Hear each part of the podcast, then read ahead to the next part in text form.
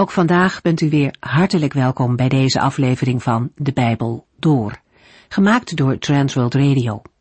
Voor meer informatie kijkt u dan op onze website transworldradio.nl. In deze serie gaat u in vijf jaar tijd met ons de Bijbel door, van Genesis 1 tot en met het laatste vers in Openbaring 22. In onze vorige uitzending lazen we in Job hoofdstuk 32, waar Job vertelt hoe hij leefde voordat al het lijden hem trof. En daarmee wil hij aan zijn vrienden, maar nog veel meer aan God duidelijk maken, dat hij een goed geweten heeft. Job kijkt niet terug op allemaal fouten, maar op een leven waarin hij deed wat God wilde. Job ging in zijn leven een stap verder dan het houden van een aantal geboden. Hij hield zich aan de essentie van de wet. Hij was niet zomaar trouw aan zijn eigen vrouw. Job zegt hier dat hij een afspraak met zijn ogen had gemaakt om niet naar andere vrouwen te kijken. Hij wilde het zaad van overspel niet eens strooien. En dat is wat de Heer Jezus veel later in de bergreden ook leert. Als je verkeerde dingen in de kiem smoort, dan zullen ze ook geen vrucht dragen. Job gaat verder in het bewustzijn dat God rechtvaardig is in zijn oordeel. Hij noemt een aantal zaken waarin hij zuiver staat, waarin hij trouw geweest is. Job was geen bedrieger, hij was een oprecht man. Hij liet zich niet door zijn begeerte meeslepen en hij is zijn vrouw nooit ontrouw geweest. Opvallend is ook de positie van dienaren bij Job. Hij gaf hen het recht om hun mening te geven in een conflict. En nou is dat in onze tijd en cultuur iets waar we aan gewend zijn, maar in de tijd van Job was dat zeker niet gebruikelijk. Job zag zijn dienaren echter als volwaardige mensen. Zij waren, net als hij immers, door God geschapen. Voor God is de ene mens niet meer waard dan de andere, en Job heeft dat in de praktijk laten zien. Ook de arme mensen, de wezen en de weduwe konden rekenen op de zorg en hulp van Job. Zijn hoge positie en zijn rijkdom maakten hem niet blind voor hun nood. Hij gebruikte zijn middelen om hen te helpen. In de Bijbel komt vaak naar voren hoe belangrijk God het vindt dat mensen omkijken naar kwetsbare mensen in de samenleving. Dienstbaar zijn aan God, dat gaat niet zonder zorg voor andere mensen. En andersom trouwens ook niet. Job leefde in ontzag voor de Here, en het was zijn drijfveer om te leven zoals God het bedoeld heeft. In Job 32 komt nu een vierde man aan het woord, Elihu. Tot nu toe heeft hij gezwegen, en laten we luisteren wat hij te zeggen heeft. Nadat Elifas, Bildad en Sofar hun argumenten naar voren hebben gebracht, richt een vierde persoon zich tot Job. Hij is nog niet eerder genoemd. Hij houdt vier toespraken, maar ontvangt geen antwoord meer van Job. De Heere zelf antwoordt, en daarom kan de toespraak van Elihu ook gezien worden als een voorbereiding op het spreken van de Heere. De lange en pijnlijke gesprekken tussen Job en zijn vrienden, vermeld in de vorige hoofdstukken, lijken op niets uit te lopen. Job blijft zichzelf als onschuldig zien, waardoor de drie andere vrienden hun gesprek met Job opgeven. Job 32 vers 1 De drie mannen wilden Job geen antwoord meer geven, omdat hij bleef volhouden dat hij onschuldig was. Na deze constatering wordt Elihu geïntroduceerd. Elihu is de zoon van Barachel uit Bus, uit de familie van Ram. Elihu betekent hij is mijn God. Hij is de enige persoon in het boek met een Joodse naam en voor veel uitleggers symboliseert Elihu als verdediger van Gods gerechtigheid het uitverkoren volk. Bus wordt in Genesis 22 vermeld als een broer van Us in de familie van Abraham. Dit lijkt te wijzen op een noordelijke locatie. Maar in Jeremia 25 wordt Bus als plaatsnaam verbonden met Dedan en Thema. Dit lijkt weer meer te wijzen op een locatie in de buurt van Arabië en Edom. Ram wordt in de Targum geïdentificeerd als Abraham vermoedelijk op grond van de vermelding van Bus in Genesis 22 vers 21, als stamgenoot van Abraham. Job 32, vers 2 tot en met 4. Toen werd Elihu, de zoon van de Buziet Barachel, uit de familie van Ram, kwaad, omdat Job volhield dat hij onschuldig was tegenover God. Maar hij was ook boos op de drie vrienden van Job, die hem wel hadden veroordeeld, maar zijn argumenten niet konden weerleggen. Elihu had nog niets gezegd omdat de drie anderen ouder waren dan hij. Elihu heeft afgewacht tot Jobs oudere vrienden uitgesproken waren. Hij is kwaad over de dingen die zijn gezegd. Job houdt vol dat hij onschuldig tegenover God is. Anderzijds ziet Elihu vrienden die er bij Job op aandrongen dat hij zijn schuld zou erkennen, maar het heeft averechts gewerkt. Het heeft er alleen maar toe geleid dat Job steeds nadrukkelijker zijn onschuld betuigde. Het hoogtepunt, voor Elihu eerder het dieptepunt, is de uitgebreide eed van onschuld die Job zojuist heeft afgelegd in Job 31. Juist dit laatste punt lijkt de directe aanleiding te zijn voor de toespraak van Elihu. Daarnaast was hij boos op de drie vrienden. Zij waren niet in staat geweest om hun vinger op het echte probleem van Job te leggen. En toch hadden ze hem veroordeeld. Job 32, vers 5 tot en met 7. Maar toen hij zag dat zij geen antwoord meer wisten te geven, nam hij met een boos gezicht het woord en zei: Ik ben jong en u bent oud. Daarom heb ik mij stilgehouden en heb ik u niet durven zeggen wat ik ervan denk. Want ik dacht, laat de ouderen eerst aan het woord. Zij zullen zeker ook wijzer zijn. Elihu beseft dat een jonge man niet zomaar een eenstemmigheid onder oudere mannen ombuigt. En daarom gaat hij omzichtig te werk. In de plaats van meteen zijn visie uiteen te zetten, introduceert hij het thema wijsheid. De wijsheid kwam in algemene zin in Job 28 aan de orde.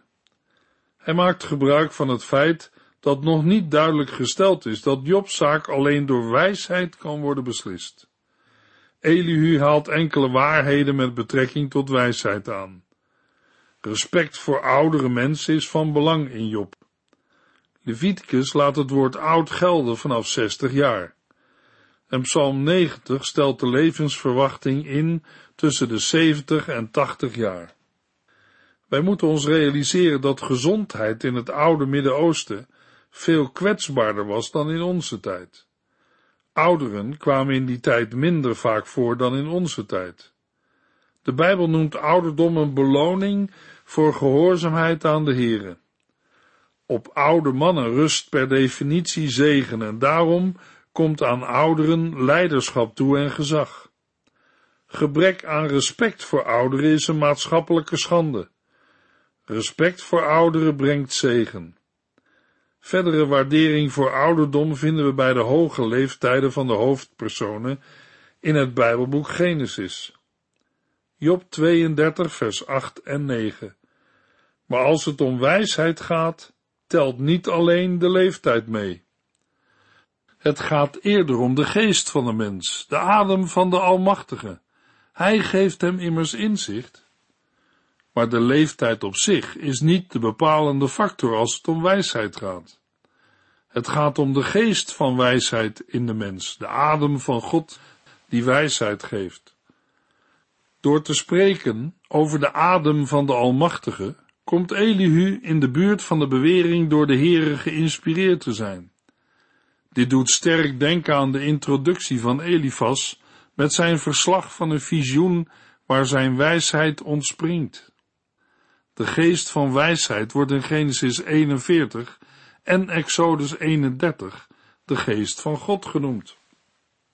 Bij deze uitspraak van Elihu zullen we moeten bedenken dat Elihu niet dezelfde positie heeft, met betrekking tot de Heilige Geest, als die gelovigen vandaag hebben. Kennelijk woonde de Heilige Geest in het Oude Testament niet in de gelovigen, maar kwam op bepaalde mensen voor het uitoefenen van bepaalde functies of taken. Bijvoorbeeld Bezaleel was vervuld met de geest van God, die hem de bekwaamheid en wijsheid gaf om de meubelstukken voor de tabernakel te maken. De geest van God kwam op verschillende mensen in het Oude Testament. In Psalm 51, vers 13 bad David, en laat uw heilige geest niet van mij wijken. Het geeft aan dat de heilige geest ook van een oud-testamentische gelovige kon wijken. In het Oude Testament vinden we de werkelijkheid van de tijdelijke inwoning van de Heilige Geest. Elihu erkent dat alleen de adem, lees geest, van de Almachtige inspiratie en wijsheid aan de mens kan geven.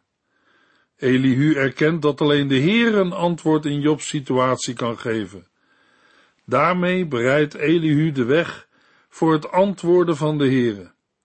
Hoewel Elihu zelf geen antwoord heeft, ziet hij dat deze andere vrienden dat ook niet hebben. Job 32 vers 10 tot en met 13 Luister daarom naar mij. Ik wil u ook mijn mening geven. Ik heb een tijdje gewacht en ondertussen geluisterd naar wat u te zeggen had. Maar geen van uw argumenten heeft Job ervan overtuigd dat hij een zondaar is. En zeg nu niet dat alleen God en niet de mens hem van zijn zonde kan overtuigen.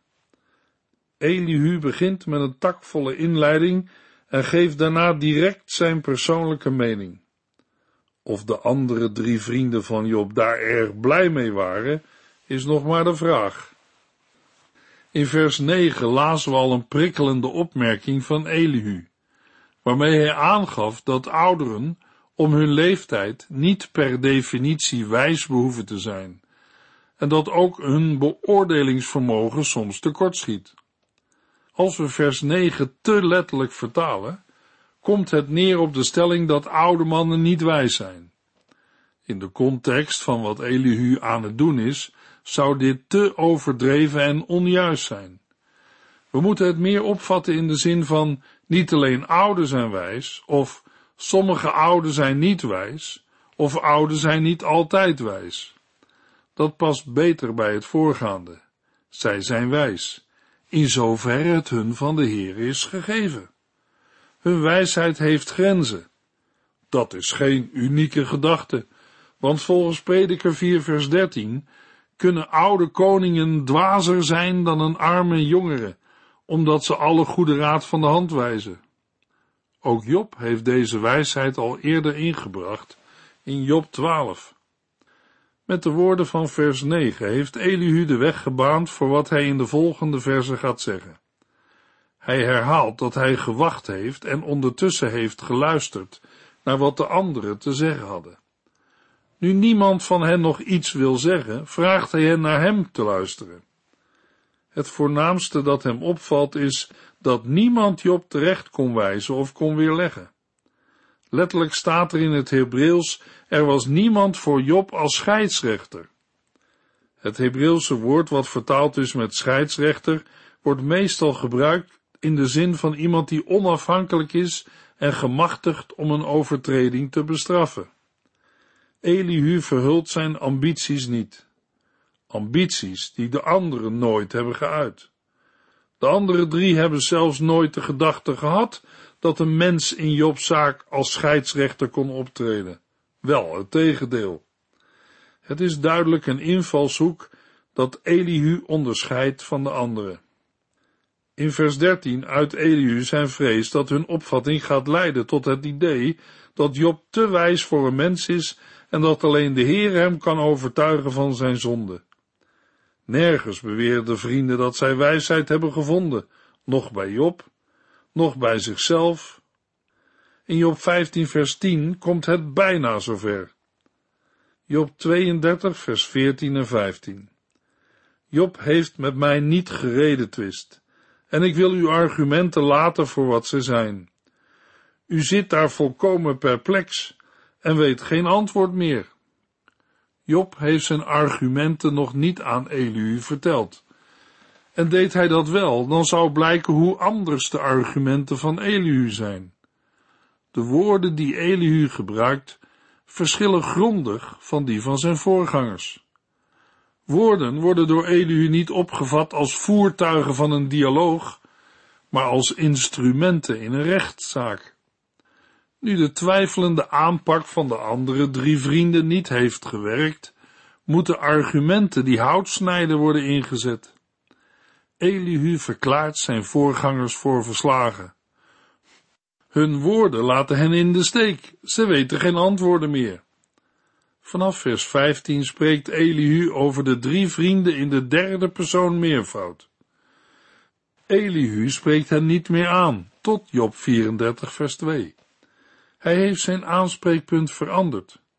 Zonder het te melden gaat hij zich rechtstreeks tot Job richten. Dat wordt pas definitief in Job 33. Maar we kunnen Job ook nu al als de meest aangesprokene zien. Job 32 vers 16 tot en met 22. Moet ik mij dan stil blijven houden als u er het zwijgen toe doet? Nee, ook ik zal mijn mening geven. Ik kan me namelijk nauwelijks meer stilhouden. Mijn geest spoort me aan om te spreken. Ik voel mij als een wijnzak zonder aftapkraan, die bijna op barsten staat. Ik moet mijn hart luchten, dus laat ik mijn antwoorden geven. Ik zal proberen voor niemand partij te kiezen. Ik zal ook niemand vleien. Want als ik dat zou doen, zou God, mijn schepper, mijn zonde meer wegvagen. Hoe zou Elihu nog langer zwijgen als de anderen niets meer te zeggen hebben? Nee, het is zijn beurt en hij zal die benutten ook. Hij moet zijn hart luchten en kan zich nauwelijks meer stilhouden. Elihu omschrijft dit gevoel met twee vergelijkingen. Het is alsof hij de hele tijd zijn adem heeft ingehouden en zijn adem niet langer kan inhouden. Het moet eruit. Voor de tweede vergelijking gebruikt Elihu het voorbeeld van wijn, die wegens de gisting bijna uit de wijnzak barst. Nieuwe wijn werd in nieuwe zakken van huiden bewaard en niet in een kruik gebotteld, omdat de gisting voor een aanzienlijke druk zorgt, waartegen aardewerk niet bestand is. Nieuwe huiden zijn rekbaar en bestand tegen uitzetting door gisting. Om de huiden en de wijn te sparen, moet er af en toe ontlucht en geventileerd worden. In het voorbeeld van Elihu wordt er met het ontluchten en ventileren te lang gewacht. De wijnzak staat bijna op barsten. Voor westerse begrippen komen de vergelijkingen van Elihu mogelijk niet erg overtuigend over. Toch zijn de voorbeelden voor Oosterse begrippen rijk aan symboliek. Spreken vereist immers letterlijk adem. En zo kan het ontbreken van woorden en argumenten soms bijna letterlijk neerkomen op het inhouden van de adem. Daarbij is onze mond tegelijk spraakorgaan en luchtventiel, waarlangs de druk van de ketel kan worden gelaten. Bovendien als Elihu zichzelf aanduidt als een jonge wijnzak, houdt dat direct in dat de anderen oude wijnzakken zijn. Hij roept een laatste maal op om hem het woord te geven. Niemand hoeft bang te zijn voor praatjes. Elihu zal zich onpartijdig opstellen en wil niets weten van vleierij. De intentie van Elihu om niet vleiend te spreken was al duidelijk in het begin van Job 32.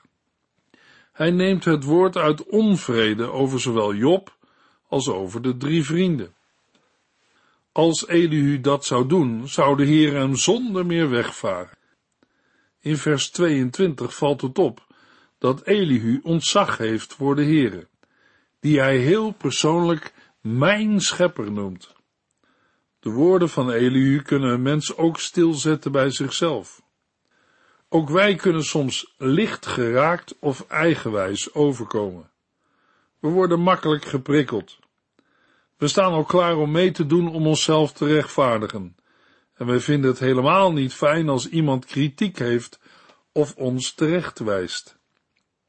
Er is bij ons, als we reageren op anderen in onze omgeving, vaak ook geen nederigheid, vriendelijkheid, geduld en verdraagzaamheid te bespeuren. Paulus roept de gelovigen op in Efeziërs 4 vers 1 tot en met 3.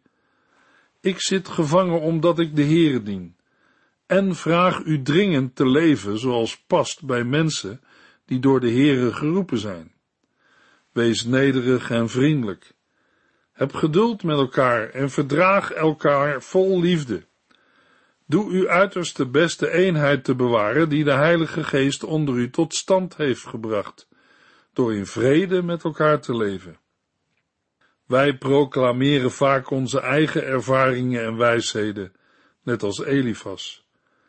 We koesteren ons in regels en wetten, zoals Sofar. We schermen met menselijke wijsheid en gezag, zoals Bildad. Wat is er bij u, jou en mij te vinden van wat de Heer Jezus zegt in Matthäus 11, vers 29? Voeg u naar mij en wees mijn leerling, want ik ben vriendelijk en nederig van hart. Laten we hierbij ook denken aan Spreuken 15, vers 1. Een zachtmoedig antwoord sust de woede, maar een takloze uitspraak roept de woede juist op. Elihu spreekt Job toe. Job 33, vers 1 tot en met 4. Luister alstublieft naar wat ik te zeggen heb, Job. Laat me uitspreken, nu ik eenmaal het woord heb genomen. Ik zal in alle oprechtheid de waarheid spreken. De geest van God heeft mij namelijk gemaakt en de adem van de Almachtige geeft mij leven. Elihu vindt dat met zijn spreken een belangrijk moment aanbreekt. Bij deze woorden moeten we voorkomen dat we Elihu in een verkeerd daglicht stellen. De schrijver van het Bijbelboek Job wil Elihu niet afschilderen als een praatjesmaker. Nee, we moeten eerder denken aan de rol van een wijsheidsleraar. Dat Elihu hier de rol van een wijze aanneemt, blijkt uit de opvallende overeenkomst met spreuken 8 vers 6 tot en met 8. Op geen andere plaats en alleen bij Elihu is zo'n concentratie te vinden van overlappende termen uit de wijsheidsliteratuur. Elihu gaat een eerlijk oordeel vellen. Mogelijk sluiten we hier aan bij Jobs gevoel oneerlijk behandeld te zijn door zijn vrienden. Elihu wil debatteren als gelijkwaardige gesprekspartner. Hij is immers net als Job, een door de Heere geschapen mens. Voor de Heere zijn zij gelijk. Laat Job zich maar klaarmaken om Elihu antwoord te geven. Job 33, vers 5 en 6. Aarzel niet mij een antwoord te geven, als u dat kunt. Voor God ben ik volkomen gelijk aan u. Ik ben ook uit de aarde gevormd, net als u. Elihu reageert hier vooral op Jobs aanklachten tegen God uit Job 13. Hij neemt Jobs woorden heel serieus en neemt het op voor de Heere. Job heeft God opgeroepen zich te verdedigen tegen zijn aanklacht. Nu vraagt Elihu Job hetzelfde te doen als hij dat kan. Job heeft bepleit dat de zaak eerlijk zou verlopen en hij niet verschrikt zou worden doordat Gods hand hem en zijn zaak zouden neerdrukken. Elihu verzekert dat Job zijn angst kan laten varen. Job 33, vers 7 tot en met 9. U hoeft niet bang voor mij te zijn. Ik ben er niet de man naar u in het nauw te drijven. Ik heb u steeds weer horen zeggen, ik ben rein, ik heb niet gezondigd, ik ben onschuldig. Elihu spreekt over Jobs angst in sterke termen. Het woord dat is vertaald met angst wordt in het Bijbelboek Job alleen gebruikt voor doodsangst. Het gaat om angst voor God, voor machtige vijanden of voor een koning en vooral voor de dood zelf. Job heeft ook aangegeven dat als hij in een rechtstreekse confrontatie met de Heere zijn zaak moest bepleiten, hij van angst geen goed pleidooi zou kunnen houden. Nu zegt Elihu dat Job geen angst hoeft te hebben, aangezien hij niet meer dan een mens is. Enerzijds gaat Elihu met zijn woorden in op de angst van Job voor God. Anderzijds neemt hij Jobs angst weg in zoverre die een hindernis zou zijn voor een gesprek. Het hoeft niet te verbazen dat Elihu vanaf vers 4 over de schepping begint te spreken. De relatie met Genesis 2 vers 7 valt op, waarin beschreven staat hoe God Adam uit stof vormt en levensadem in zijn neus blaast.